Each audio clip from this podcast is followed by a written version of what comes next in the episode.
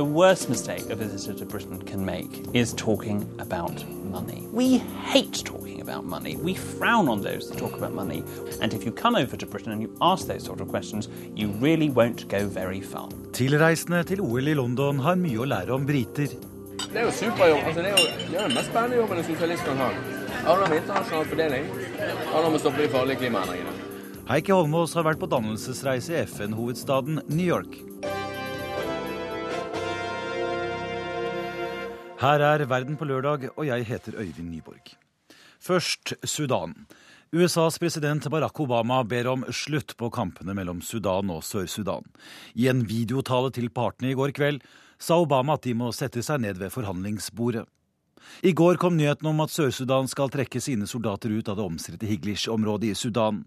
Kampene om området har vært de verste siden fredsavtalen i 2005. Heglic er en av de få oljefeltene som Khartoum beholdt kontrollen over etter at Sudan ble delt i fjor sommer.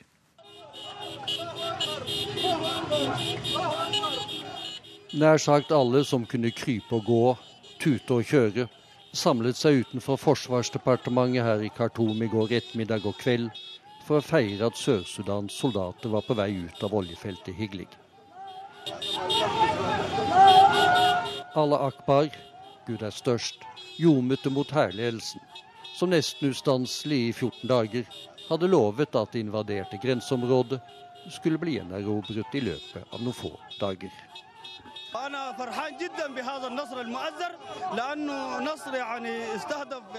Jeg er veldig glad for denne seieren fordi fienden prøvde å knekke både vår tro, religion og landet vårt, sier Altom Abdallah Josef, som også er på plass under feiringen foran Forsvarsdepartementet.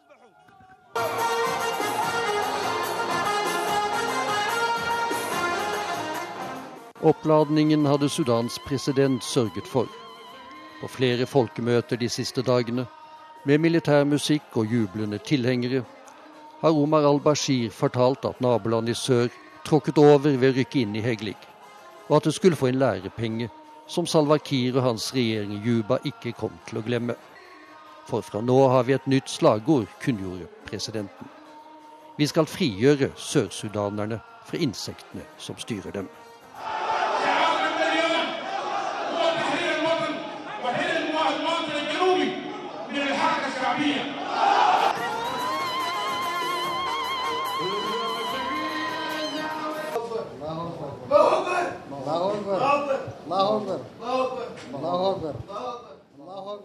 Det var mer stille på militærsykehuset her i Khartoum. Gud er størst, og seieren blir vår, het det fra de sårede soldatene på sengepostene vi besøkte sammen med Sudans tidligere statssjef al-Sadiq al-Mahdi. Det var mange soldater i sengene, og de var fløyet inn fra kampene i og rundt Sudans største oljefelt. Vi fikk ikke intervjue dem, men al-Sadiq al-Mahdi stilte mer enn gjerne opp. We are very, very sorry about this uh, development. Uh, we were preparing, in fact, we are preparing a peace conference, a comprehensive peace conference. Vi er veldig, veldig lei oss for den utviklingen, sier han. Vi hadde planlagt, vi planlegger faktisk, en fredskonferanse. En omfattende fredskonferanse der alle de uløste spørsmålene med Sør-Sudan skulle tas opp. Og så skjer denne innrykningen hyggelig, og kamphandlingene i grenseområdet i stedet.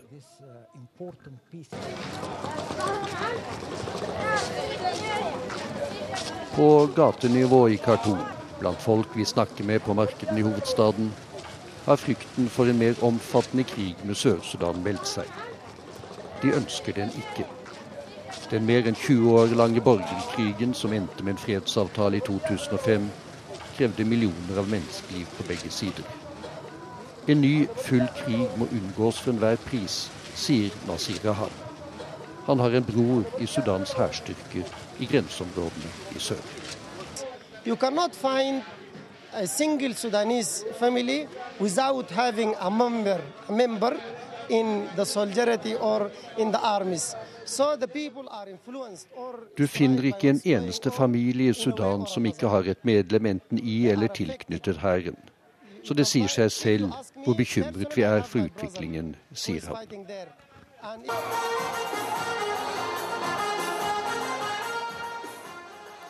Likevel, militærmusikken og Omar al-Bashirs krigsretorikk har gitt gjenklang hos mange sudanere. De føler at Khartoum strakk seg langt da Sør-Sudan fikk holde folkeavstemning og løsrev seg i fjor. Og så kommer takken, som de oppfatter det, i form av en okkupasjon av oljefeltet Higlig på sudansk jord.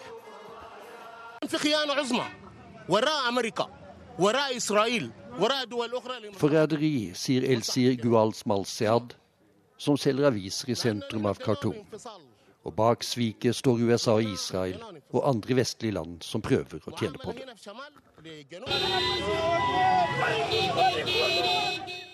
Men nå er Sør-Sudans erobring av Higelig snart historie, med en feiring her i Khartoum som varte til utpå morgenkvisten i dag. Fortalte Lars Sigurd Sunde nå. Det er tre måneder igjen til sommer-OL i London, og hundretusener av tilreisende skal få sitt møte med britisk kultur. Reporter Gunnar Myklebust har sett mer på det.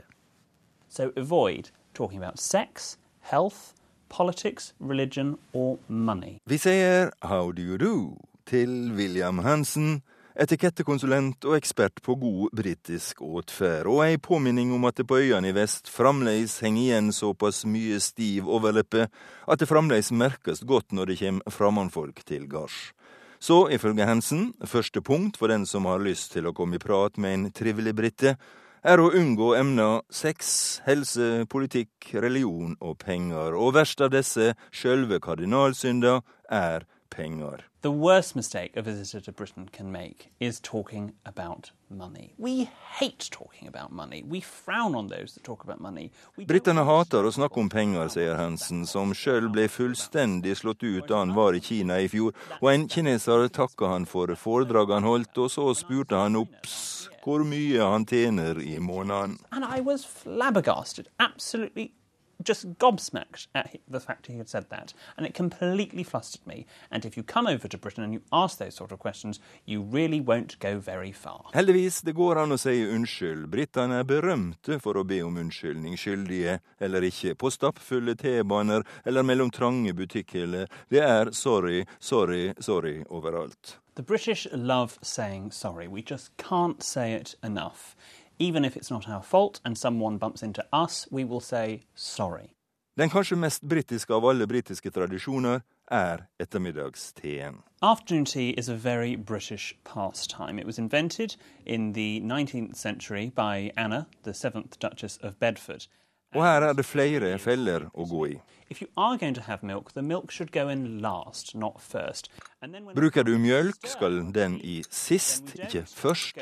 Og du rører ikke rundt med teskjea, men fører den fram og tilbake. we go 612, 612, like so. Actually, that's best to dissolve the sugar. Følg urskiva fra seks til tolv. Beste måten også å løse opp sukkeret på, og aldri, aldri slå skjea mot koppekanten etterpå. And we certainly don't dry our spoon out like so. Og ennå har vi bare gjort klar teen. A lot of people think that to be posh, you have to drink it with your little finger, your pinky up. That is incorrect. Altså, for God's sake, når du fører tekoppen til munnen, unngå den latterlige lillefingeren til værs. We don't do that at all.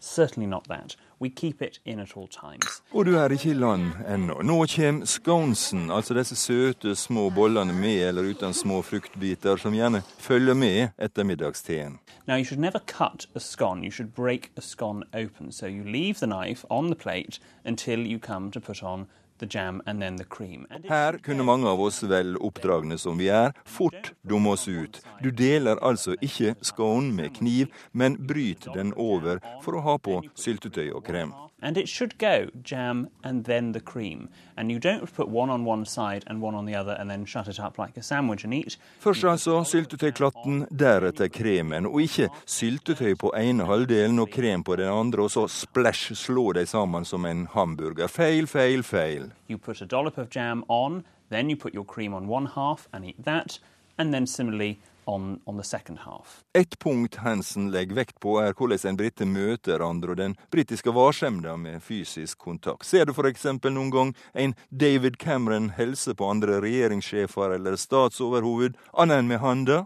At han kysser og klemmer på folk, slikt Obama eller Sarkozy driver med? Neppe. Men Social kissing has changed a lot in Britain.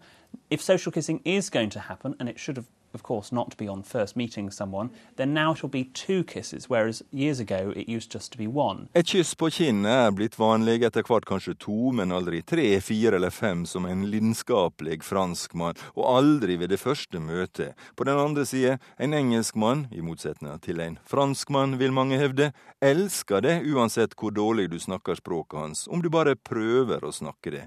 Og et smil i tillegg gjør alltid underverk. Og dermed skulle vi vel være klare for både afternoon tea og London-OL.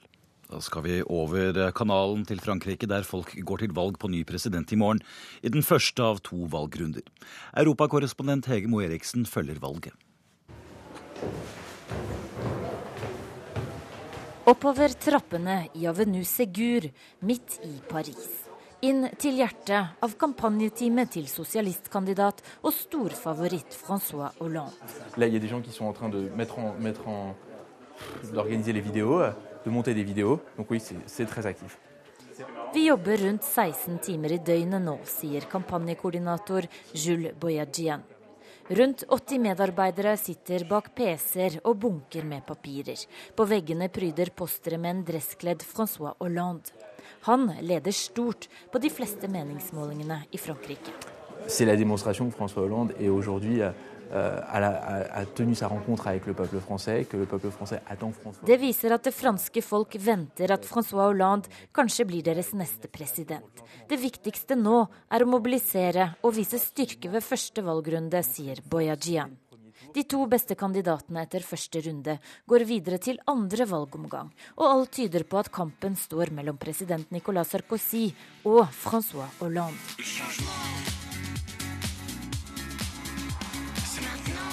En démocratie, un citoyen pèse le même poids qu'un autre. Francois Hollande, sosialistpartiets lydige tjener gjennom flere tiår. Parlamentsmedlem, partisekretær og tidligere samboer til presidentkandidat ved forrige valg, Ségolène Royal. Plutselig er det Hollande som har sjansen til å få sosialistpartiet inn i presidentkontorene, hvor de ikke har vært siden Francois Mitterrand i 1995. Men det er ikke bare hans egen fortjeneste, ifølge analytikerne. C'est un candidat qui euh,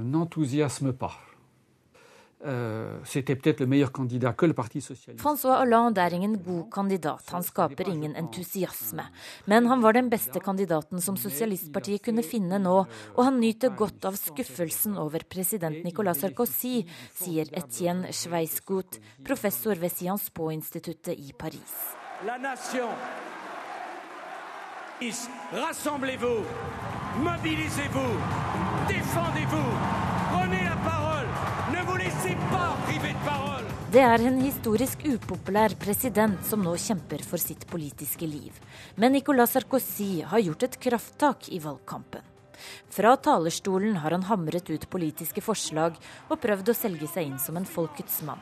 Men suksessstrategien som brakte han til makten i 2007, er blitt en falmet oppskrift fem år senere. Euh, Dès le début de son quinquennat, Nicolas Sarkozy euh, s'est trouvé euh, Helt fra starten ble Sarkozy limt til bildet av en president for de rike. Han gjennomførte en skattereform som favoriserte de velstående. Han ferierte på yachter, og det sjokkerte hele Frankrike. Siden har han ikke klart å snu dette bildet, med gjeldskrise og arbeidsledighet, sier Nicolas Barrot, politisk journalist i den konservative avisa Le Figaro.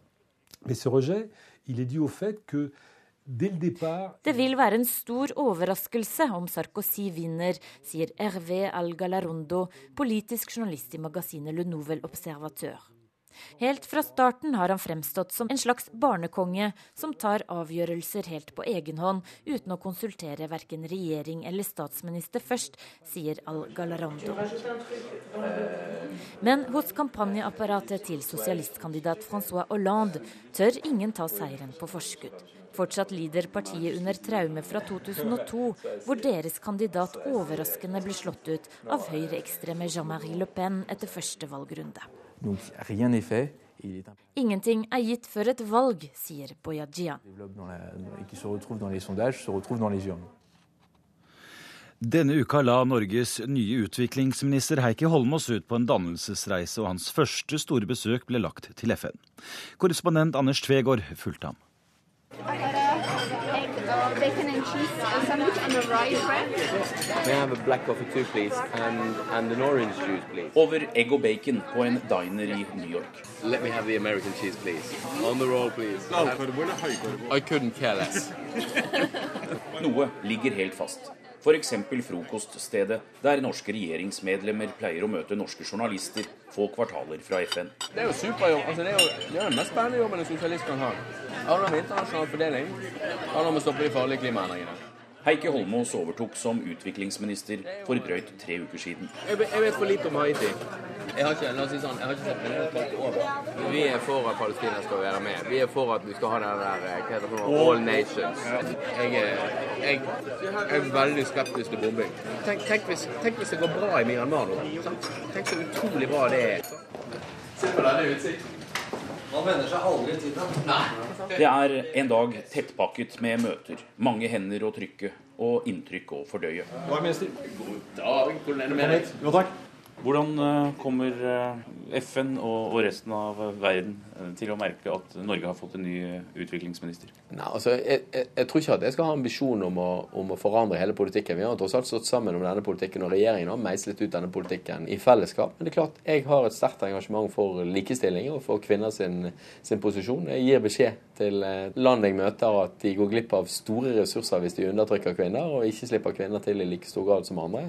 Jeg gir eh, samtidig klar beskjed om at jeg er opptatt av rettferdig fordeling. Og det siste er at jeg vil stoppe de farlige klimaendringene. Og da er ny fornybar energi helt avgjørende viktig. Nå må vi videre til neste møte. Det som også er, er viktig her, det er dette med forebygging av eh, konsekvenser av naturkatastrofer.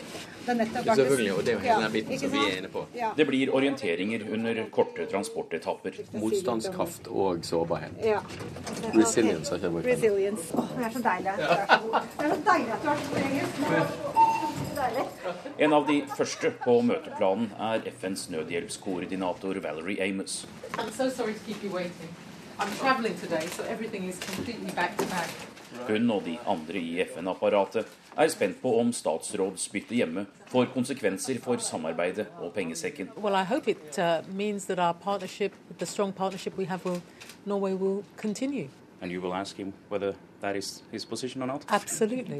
In fact, you could ask him now. I've actually said yes already. Well, that's Right. fine. Yeah. Palestina sitter oppå der sammen med Vatikanet. Altså de som er observatører. Ja. sitter ved siden av hverandre der oppe. Det er, Okay. Men de sitter der oppe uansett. De er Det er mye nytt for den snart 40 år gamle Heikki Holmås. Her i FNs hovedkvarter tegner og forteller FN-ambassadøren fra Norges benk. Der har vi stemmeknappene. Kan vi foreta en liten Ja, prøve, prøveavstemning på det.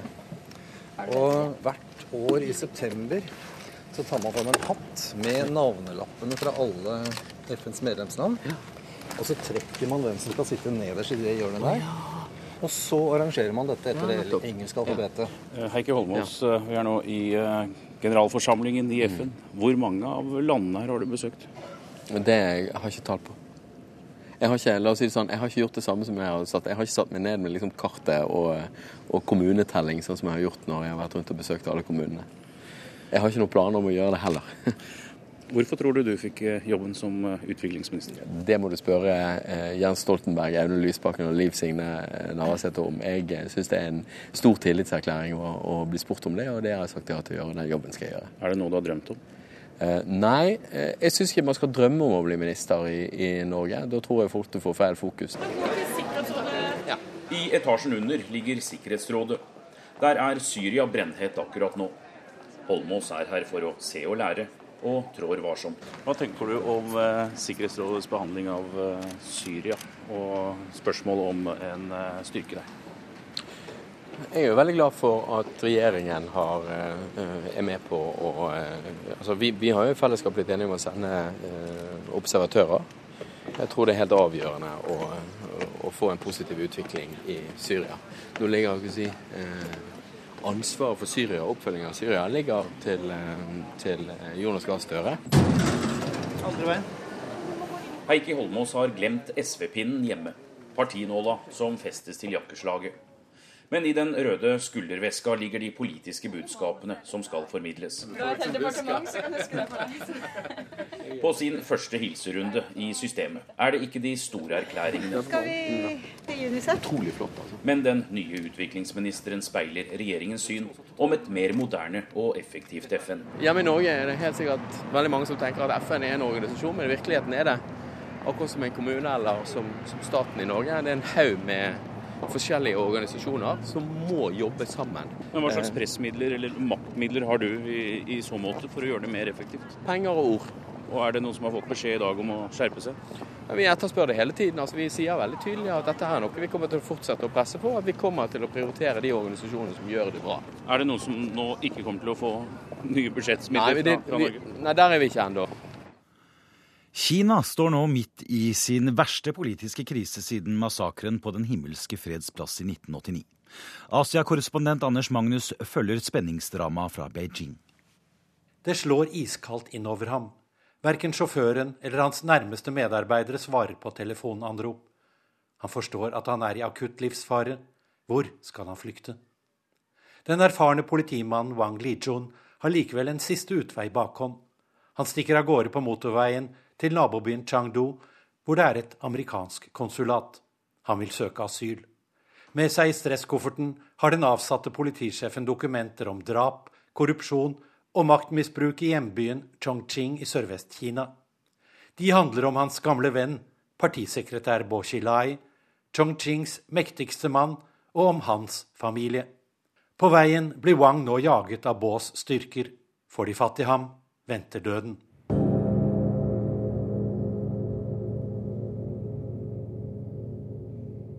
Bo Xilai og Wang Lichun hadde kjent hverandre lenge da Bo i 2007 ble utnevnt til kommunistpartiets leder i Chongqing, og straks ansatte Wang som politisjef i kjempebyen med 35 millioner innbyggere. De to satte i gang en kampanje for å rense ut kriminelle triader, Kinas mafia, og ble populære blant vanlige folk. Bo framstilte seg også som en venn av de fattige, bygget rimelige boliger og bekjempe tilsynelatende korrupsjonen som er så omfattende blant det rike toppsjiktet i kommunistpartiet. Men etter hvert avdekket forsvarsadvokater at mange av de arresterte ikke hadde gjort noe galt, men ble utsatt for tortur og fengsel uten lov og dam. Blant dem en rekke forretningsfolk som fikk sine eiendommer konfiskert. Seinere ble det skumlet om at Bo Xilai og hans familie tok for seg av disse rikdommene. På vei til konsulatet er Chongqings tidligere politisjef Wang Lichun en av de få som kjenner hemmelighetene til partisjef Bo Xilai. Få uker tidligere var de bestekompiser, nå er de dødsfiender. Forandringen kom etter at Wang fortalte Bo at et av hans familiemedlemmer var involvert i en drapsetterforskning. Like etter fikk Wang sparken, og nå er han på flukt, med en plan om hevn bare han når fram til USAs konsulat før sine forfølgere. Glansbildet av Bo Xilai som de fattiges talsmann fikk en knekk da sønnen Bo Guagua kjørte rundt i Beijing i en rød Ferrari og plukket opp døtre av rikinger. Så mye penger hadde familien at kona Gu Kai-lai henvendte seg til en britisk venn og forretningsforbindelse, Neil Haywood, for å få hjelp til å føre et større beløp ulovlig ut av Kina. Briten krevet en solid andel for jobben, og truet dessuten god Kailai med å fortelle offentlig det han visste om hennes lyssky forretninger, dersom han ikke fikk det han krevet. Det skulle han ikke ha gjort, for Go syntes han var for grådig og la en felle for sin tidligere venn. 14.11. i fjor sjekket Neil Haywood inn på et luksushotell i Chongqing for siste gang. Dagen etter ble han funnet død, og politiet avklarte raskt at det dreide seg om et drap. Kona til partisjefen blandet seg imidlertid inn i etterforskningen, slik at dødsårsaken ble endret til hjertestans pga. et voldsomt inntak av alkohol. Halvannet døgn etterpå ble liket av Haywood kremert uten obduksjon. Bevisene var borte, trodde man. I nabobyen har den flyktende Wang Lijon klart å nå fram til USAs konsulat før sine forfølgere. Han ifører seg en forkledning og sniker seg inn. Amerikanerne får høre den ene historien verre enn den andre, om hans livsfare, om korrupsjon, maktmisbruk og drap i Chongqing under Bo Xilais styre. Rosinen i pølsen er avsløringen av årsaken til Haywoods dødsfall. Politisjefen drev sin egen etterforskning før liket ble kremert, og fant ut at britene ble forgiftet med cyanid. Og for å sikre sin asylsøknad drar han trumfkortet foran amerikanerne. Han kan fortelle dem hvem som sto bak drapet på Neil Haywood. Inntil i mars i år var Bo Xilai en av de raskest stigende politiske stjerner i Kinas kommunistparti. Seks av ni medlemmer av partiets øverste maktorgan, politbyråets stående komité, hadde vært på besøk i Chongqing og prist hans politiske modell. Nå regnet han det som sikkert at ved den kommende partikongressen i høst ville han få en plass blant disse ni mektigste i partiet, og dermed i Kina. Men Bo Xilai hadde også fiender innad i partiet. Selv om kommunistledelsen utad forsøker å gi et bilde av kompakt enighet, har det lenge vært en beinhard maktkamp mellom ulike fraksjoner i toppledelsen. Etter nyheten om at Bo Xilais nærmeste medarbeider Wang Lichun hadde søkt tilflukt i et amerikansk konsulat, øynet Bos fiender i partiet en sjanse for å slå tilbake. Inne i USAs konsulat har ikke Wang Lijun særlig framgang med sin asylsøknad. Washington er konsultert via amerikanernes ambassade i Beijing, og beskjeden er at den tidligere politisjefen ikke på noen måte kan betraktes som en frihetshelt. Tvert imot har han jo vært med på å gjennomføre mange av partisjef Bo Xilais forbrytelser. Dessuten kommer asylsøknaden på det mest uheldige tidspunkt. Om få dager skal Kinas visepresident Xi Jinping på offisielt besøk til USA, og man ønsker jo ikke å skape problemer foran visitten. Den tidligere politisjefen innser at slaget er tapt, men ber om en siste favør, at han får overgi seg til sentralmyndighetene i Beijing og ikke til de lokale politistyrkene fra Chongqing som venter på ham utenfor porten. Han håper det er større sjanse for å overleve i Beijing enn hvis hans gamle sjef Bo Xilai får tak i ham. Resten av dramaet utspiller seg i hovedstaden Beijing, hvor Baas fiender i kommunistpartiet har fått overtaket. Han blir avsatt som partisjef i Chongqing, seinere strippet for sine verv i sentralkomiteen og politbyrået og satt under etterforskning. Kona arresteres også og anklages for medvirkning til giftdrap på briten Neil Haywood. Skandalen er et faktum, og Kinas kommunistparti opplever nå den største politiske rystelsen siden splittelsen under massakren på Den himmelske freds plass i 1989. Nesten hver dag kommer nye avsløringer, både i kriminalsaken og også om de interne forholdene i partiet. Nå går spekulasjonen om at noen av Bochilais mektige støttespillere også står for fall, og at hele kabalen for den nye partiledelsen må legges på nytt. Trekker denne maktkampen i langdrag, kan høstens planlagte partikongress måtte utsettes til neste år. Du lytter til Verden på lørdag i NRK P2. Vi skal til Russland, der opposisjonen samler seg til en ny marsj mot valgfusk og uærlighet i politikken.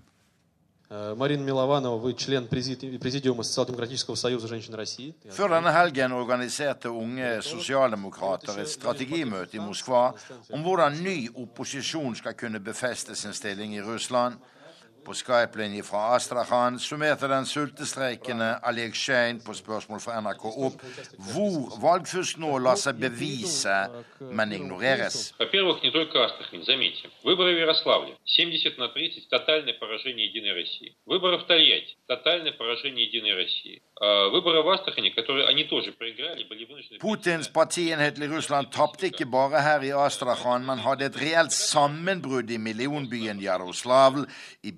bilhovedstaden vår Togliatti. Men her i Astrahan var ikke tapet så stort. Imidlertid var valgfusket i min hjemby likevel av hittil usett omfang, sier den sultestreikende borgermesterkandidaten i Russlands kaviarhovedstad.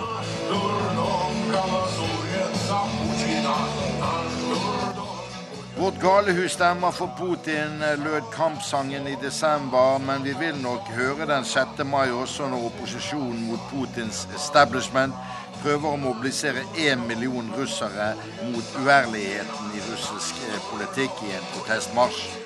Onsdag sa Putins erkjente gamle venn, forrige finansminister gjennom elleve år, Aleksej Kodrin, til opposisjonsavisen Novaja Gazeta at å gjøre politikken ærlig i Russland er noe av det aller viktigste som nå må til, og at denne uærligheten opphisser folk mer enn noe annet nå. Hans-Wilhelm Steinfeld, hvordan eh, tenker opposisjonen nå? De må jo forholde seg til at Putin tross alt fikk eh, flertall ved presidentvalget i mars? Ja, det bekreftet jo selv opposisjonsorganisasjonen Gålos eller Stemmen. Men nå tenker de unge opposisjonelle i internett. De ser klart at de har ingen sjanser på føderal TV, men ungdommen i Russland baserer seg på internett. Og av de ting som er interessant for dem, er det organisatoriske arbeidet som man f.eks. gjorde i Norge med folkebevegelsen mot EF i 1972. Og det er nettopp slik metode de vil bruke på grunnplanet for å rekke ut til ungdommen via internett. Hvem er disse unge lederne? Unge jurister, veldig mye unge akademikere og middelklasse. Og det store spørsmålet her nå er når de nye nasjonale unge lederne oppstår i Russland. Både senatets leder eh, Valentina Matvienka og eh, forrige finansminister som satt i elleve år, Aleksej Kodrin, tror at i løpet av to-tre år så kommer det unge, nye lederemner som vil utfordre Vladimir Putin. Apropos Putin, når det gjelder Kreml-lederne, får de høre om at det rår tvil i Vesten da knyttet til de politiske reformene som Medvedev har sagt at han skal komme med?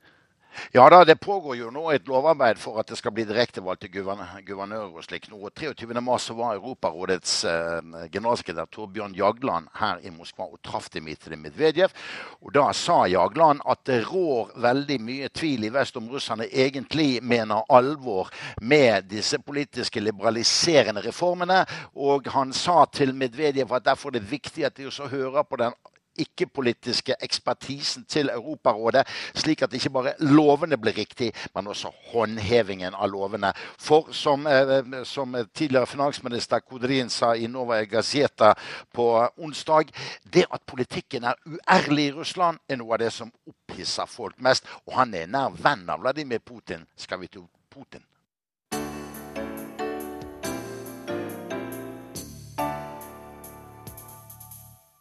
Vi skal til en traumatisk rettssak som har versert i to år i Sør-Afrika, og som kaster lys over en mørk fortid i det landet. To unge menn er tiltalt for å ha drept høyreradikale Eugene Terreblanche. Tom Christiansen, hva handler denne saken om? De kom inn på soverommet hans tidlig om morgenen for å kreve penger de ikke hadde fått utbetalt. To svarte gårdsarbeidere. De hadde med seg slagvåpen, og de drepte antageligvis Terre Blanche før han rakk å stå opp. Siden har det vært masse forviklinger. Noen har sagt at de ble seksuelt misbruk av Terre Blanche. Det er antagelig ikke riktig. Noen sier at de handlet i forsvar fordi Terre Blanche hadde en machete ved senga si. Det har han alltid med seg. Det har, og det har også vært påstander om at politiet har fjernet bevis underveis. Men det som antagelig er det som blir stående igjen, to frustrerte gårdsarbeidere som til slutt tar oppgjøret med sin arbeidsgiver etter å ha blitt trakassert, banka opp, slått og, og på en måte ydmyket på gården. Hvem var denne mannen som lot seg avbilde i dress og med cowboyhatt og med et kraftig skjegg? Det var uh, Terre Blanche som uh, Den hvite jord, som navnet hans betyr, som oppfattet seg som overmenneske. Han bygget opp en organisasjon rundt seg selv, uh, nynazistisk i sin stil. De hadde et emblem som lignet på et hakekors, bare med tre haker, ikke fire. De hadde store fester hvor kvinner og barn var til stede. Små barn løp rundt i de samme kaki-uniformene. Og som alle høyrebevegelser så var den militant. Den var organisert som en milits. De hadde skyteøvelser ofte. Jeg var jo på gården til Terre Blanche i ja, Fendersdorf. Hvordan var han? Uh, høflig, arrogant. Uh, men jeg spurte han jo kunne du tenke deg å møte Nelson Mandela. Ja, han skulle jeg tenke meg å møte over en geværmunning. Så sa han at han ønsket å ha et reservat for seg selv og sine hvite. At de hvite som ville bevare sin hvithet og sin etniske gruppe, skulle ha et sted hvor de kunne være, og som de kunne forsvare. For han sa at 'jeg ønsker ikke å leve i dette helvete med alle disse svarte, med drap og med voldtekter og med tjuverier'. Selv slo han i hjel en gårdsarbeider for noen år siden og satt i fengsel i tre år. Banket opp en bensinstasjonsbetjent så han eh, ble en grønnsak. Organiserte terrorhandlinger i forbindelse med det første valget i 1994. Så så fredelig var denne mannen. Nå er han eh, død. Hans tilhengere har ikke lenger noen leder, og mange av dem sitter i fengsel etter forskjellige terrorhandlinger de har begått, og etter også drap på svarte. Siste delen av denne rettssaken eh, pågår nå. Er dette den endelige punktum for eh, apartheid i Sør-Afrika?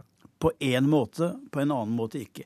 Apartheid lever fortsatt fordi at de som var rike den gang, er fortsatt rike. De som var fattige, er fattige med den forskjell at det er kommet opp en ny svart middelklasse. Men apartheid i, i, i denne formen, eh, det rene rasismen, den døde med Terre Blanche. Og denne rettssaken som følger nå, den er på en måte finalen.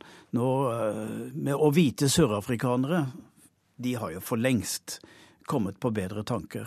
Eugene Terre Blanche var den siste. Vi bytter tema. Kan jern, kobber, litium og andre mineraler løse Afghanistans fattigdomsproblemer? Det var tema for en konferanse i regi av Afghanistan-komiteen i Oslo i går. Og der var også reporter Gro Holm.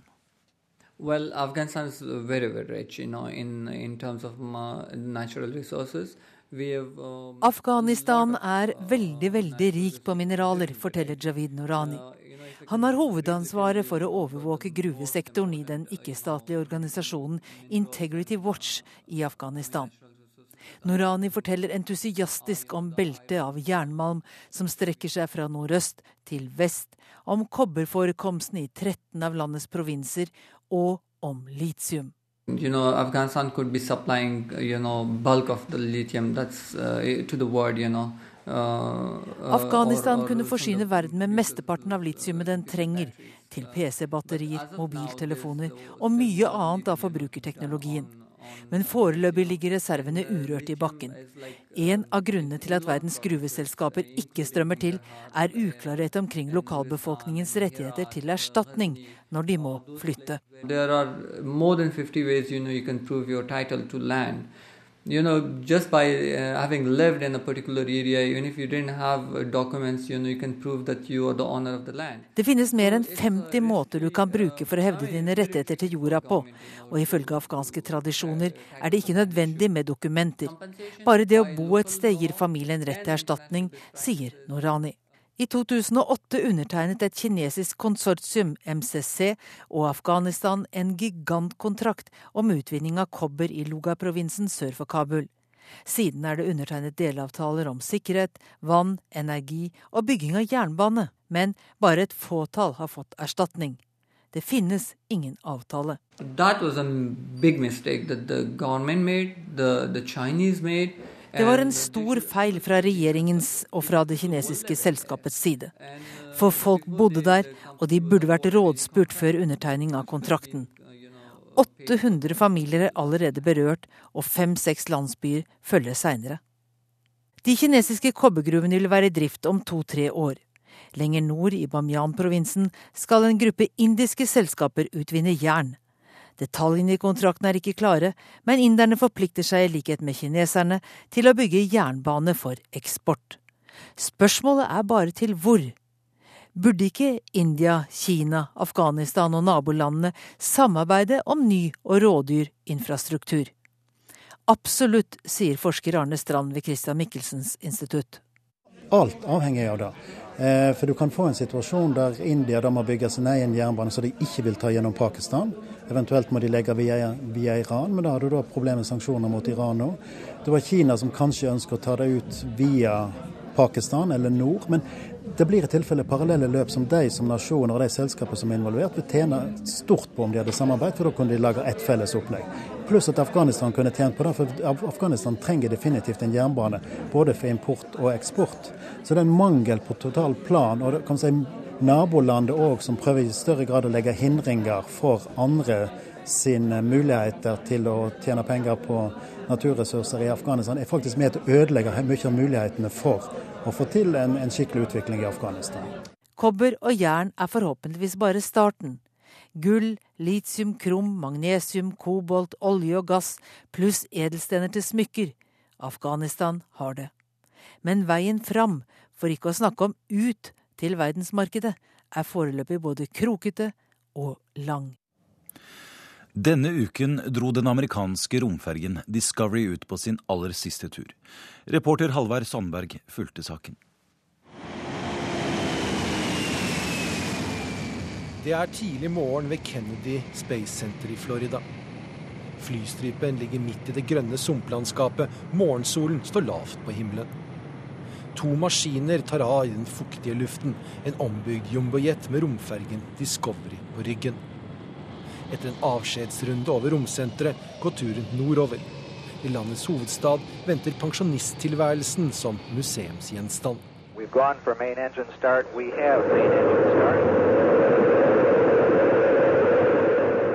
Det var i 1981 at den første romfergen dro av gårde. Det NASA da sendte opp, var ikke det fartøyet romfartsorganisasjonen egentlig ville ha.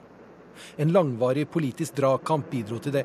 Resultatet av kampen var romferger som var for tunge, for dyre og for usikre. Selv astronauter med et brennende ønske om å fly i rommet var skeptiske til å gjøre det i det nye amerikanske flaggskipet. Det er en historie som kan se ut til å gjenta seg. Og det er en historie som skiller seg så klart ut fra den første delen av amerikansk romfartshistorie.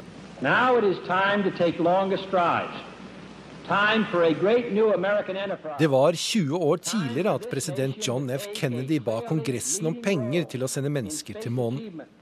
Da hadde han en samlet amerikansk politikerstand bak seg, en støtte som holdt seg akkurat lenge nok til at USA nådde målet i 1969. Houston, you are go for staging. Inboard cutoff. We confirm inboard cutoff. Staging. Bare noen dager etter at disse ordene ble sendt mellom bakkekontrollen og Neil Armstrong i Apollo 11, så var det hele over. En ny tid begynte, nå uten et klart mål, og uten noe som engang lignet på politisk enighet om hva USA skulle med sin romvirksomhet. Og slik har det fortsatt. Vi skal høre mer fra Armstrong, nå som en mye eldre mann. If the leadership we have acquired through our investment is simply allowed to fade away, Armstrong vitner i det amerikanske senatet. Han er forferdet over det som er i ferd med å skje. Det dreier seg om mye penger, om arbeidsplasser, raketter og president Barack Obama. So let me start by being extremely clear. I am 100% committed to the mission of NASA and its future. I en stor NASA-hangar ved Kennedy Space Center kommer presidenten med populære ord. Men så fortsetter han med planen om hvordan amerikanerne skal komme ut i rommet i fremtiden. Station,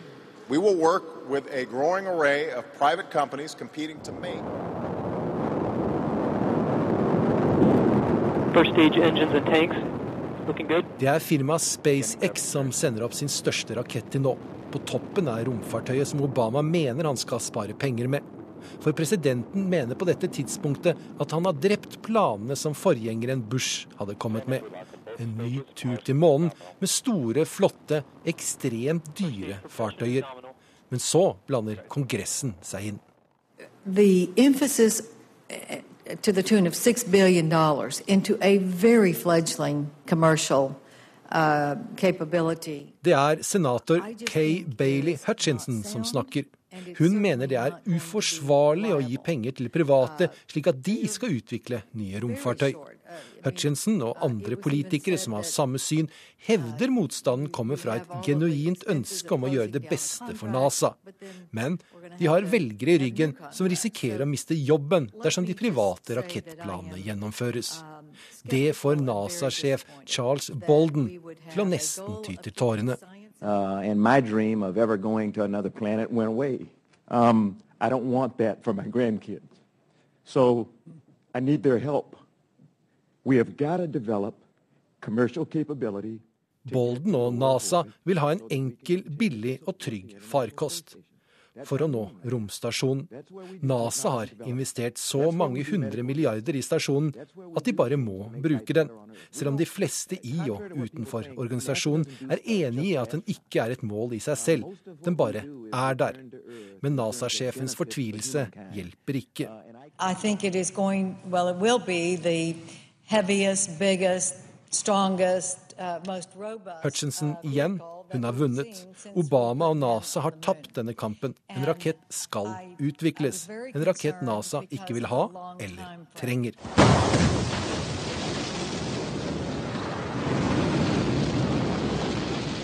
Den finnes nå bare i animerte videoer, men den skal hete SLS. Og vil sannsynligvis være den dyreste raketten NASA noensinne har bygd. En rakett som skal gi USA muligheten til å reise langt ut i rommet. Men hvor den skal, det er det ingen enighet om nå. Det de fleste er enige om, er at den gir mange mennesker noe å gjøre. Ukas korrespondentbrev er postlagt i London og signert Gry Blekastad Almås. Hvor var du 22. juli i fjor? OL-general Sebastian Coe var i Estland sammen med friidrettspresident Svein Arne Hansen. Denne uka møtte vi friidrettsveteranen Sebastian Coe i London. Anledningen var at det nå er under 100 dager igjen til OL skal arrangeres i London. Et arrangement han har det øverste ansvaret for. Men når vi møtes, er det 22. juli-saken som opptar ham. Er det plass til noe annet i det norske nyhetsbildet i disse dager, da? spør han. Da bomben smalt i Oslo og massakren rammet Utøya, var han selv på en friidrettssamling i Estland. Han var sammen med den norske friidrettspresidenten Svein Arne Hansen. Han er en god venn. Det var et enormt sjokk. Det ble en vanskelig helg, sier Sebastian Coe. Han har fulgt starten av rettssaken på de britiske nyhetskanalene, der nyhetene fra Norge har vært dominerende denne uka. Det har i grunnen vært en merkelig opplevelse å være norsk i London denne uka. Mitt oppdrag som korrespondent er å rapportere hjem om ting som skjer i utlandet. Men denne uka har jeg måttet rapportere i britiske medier om hva som skjer i Norge. Dag tre av rettssaken startet jeg hos BBC World News, nyhetskanalen som går verden rundt. Jeg var invitert som hovedgjest i studio den morgenen for å kommentere rettssaken som pågår i Oslo. Hvordan påvirker dette nordmenn? Hvordan opplever folk å se og høre gjerningsmannen? Hvorfor får han lov til å opptre så fritt? Vel vitende om at det er like mange opplevelser av dette som det er folk i Norge, svarer jeg så godt jeg kan. Deretter vil BBCs nasjonale nyhetskanal ha lignende svar, og så pendler jeg mellom de to studioene resten av morgenen. Slik mine kolleger andre steder i verden har gjort tilsvarende øvelser i de landene der de er. Men egentlig har jeg annet på planen denne dagen. Så snart BBC er fornøyd med meg, bærer det tilbake til kontoret. Der venter redigering av en radioreportasje om Munchs Skrik, som har vært utstilt på auksjonshuset Sotheby's denne uka. Det var dag to av rettssaken da jeg gjorde opptakene. Sotheby's ligger i New Bond Street, en av Londons mest fasjonable gater. Det er luksusbutikker på begge sider av gaten, og det er lett å føle en slags stolthet når man kommer til auksjonshusets utstillingsvindu, der det er vår egen Munch og et av hans fire berømte skrik som alene pryder inngangspartiet. Men stoltheten over å være norsk varer ikke lenge. Innenfor dørene er ikke bare en resepsjon og et stort galleri, men også en kafé der de kunstglade besøkende kan slappe av mellom inntrykkene. På bordene ligger avisene henslengt. Fra forsidene stirrer et intenst blikk mot meg. En knytteneve er hevet i retning av kameraet som har foreviget øyeblikket. Anders Behring Breivik har satt Norge på det internasjonale kartet. Britiske medier er opptatt av det åpne samfunnet vi har i Norge. Ordet liberalt går igjen. Ofte blir Norge beskrevet som et drømmesamfunn. Det er ikke sjelden jeg leser uttalelser i retning av vi ønsker oss et skandinavisk samfunn, men ikke et skandinavisk skattenivå. Velferd, velstand, likestilling, fravær av hierarki og klassesystem, og altså åpenhet, er karakteristikker av Norge som trekkes fram. Men også undring. Hvordan var det mulig at terroristen fikk komme så langt inn i regjeringskvartalet med bombebilen sin uten at det var stengsler eller vakter som stanset ham? Og denne uka har det også vært undring rundt det norske rettssystemet. Hvorfor får han lov til å gjøre knyttenevehilsenen sin? Hvorfor får han lov til å lese opp en tale? Forsvarsadvokaten Paul Mendel skrev denne uka i The Guardian om hvorfor 22. juli-saken ser merkelig ut med engelske juridiske øyne, og jeg siterer. Fordi det som kommer fra Breivik ikke på noen juridisk måte fremstår som selvforsvar. Ikke noe individ har rett til å begå massemord for å forsvare sitt land, slik han hevdet da han avsluttet sin latterlige bevisførsel. Retten gir så absolutt inntrykk av å la seg bli brukt av ham som en plattform for hans skrudde ideer. Og mens den, altså retten, har brukt sin veldig sunne fornuft til å innføre et kringkastingsforbud, kan jeg ikke forestille meg at en engelsk rett ville tillate den tiltalte å avlegge en slik bevisførsel, eller å innkalle den typen vitner han har planer om. Jeg håper jeg slipper å komme i en situasjon hvor dette blir etterprøvd. Sitat slutt. Mens jeg står i et mørkt rom i galleriet på Sotheby's og betrakter Munchs skrik, slår det meg. Skrik. Jeg ser skriket, og jeg hører det. Skriket fra Utøya. Det har jo rullet over TV-skjermene igjen og igjen de siste dagene, og det har festet seg et sted langt inni meg. Angsten, fortvilelsen, sorgen, frykten til barn og unge som har opplevd det aller grusomste. TV-bildene viser det fullstendige kaos da de som klarte å rømme, kom til fastlandet. Noen får teppe rundt seg og tar imot en favn eller en arm, noe å lene fortvilelsen på et lite øyeblikk.